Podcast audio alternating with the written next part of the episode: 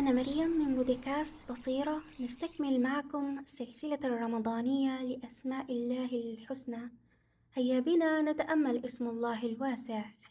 السعة السعة في اللغة هي الغنى هي الرفاهية هي الإحسان. الله الواسع. وسع بعلمه جميع المعلومات والمخلوقات ووسعت قدرته جميع المقدورات.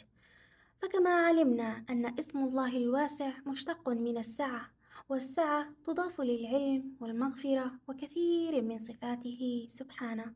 قال جل جلاله ربنا وسعت كل شيء رحمة وعلما وقال إن ربك واسع المغفرة فهو واسع برحمته بعلمه بحكمته وبعفوه فلا حدود لها وهو أيضا واسع بجبره وإحسانه وبرزقه. الله الواسع.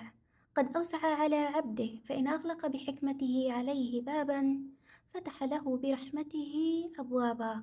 فالواسع خزائنه لا تنفد بل وتسع جميع خلقه. أيها المتأمل هل فكرت كيف تحيا بسم الله الواسع في حياتك؟ استشعر السعة في ذاتك. أولا ابذل جهدك. وسع الخيارات في حياتك. وسع وعيك بتنمية ذاتك. وسع مصادر تلقيك للعلم فلا قداسة لحديث بشر.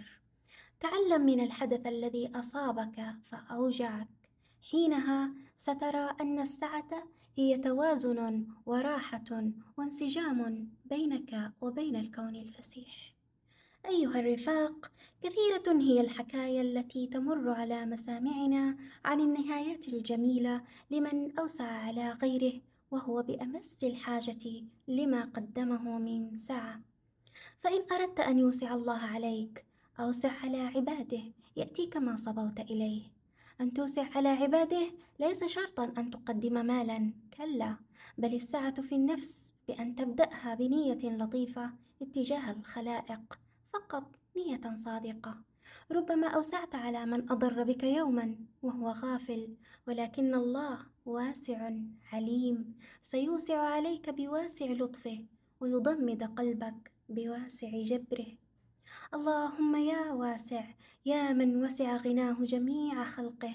أوسع علينا من كل خير سألناك. طبتم وطابت أسماعكم تقبل الله صيامكم وقيامكم.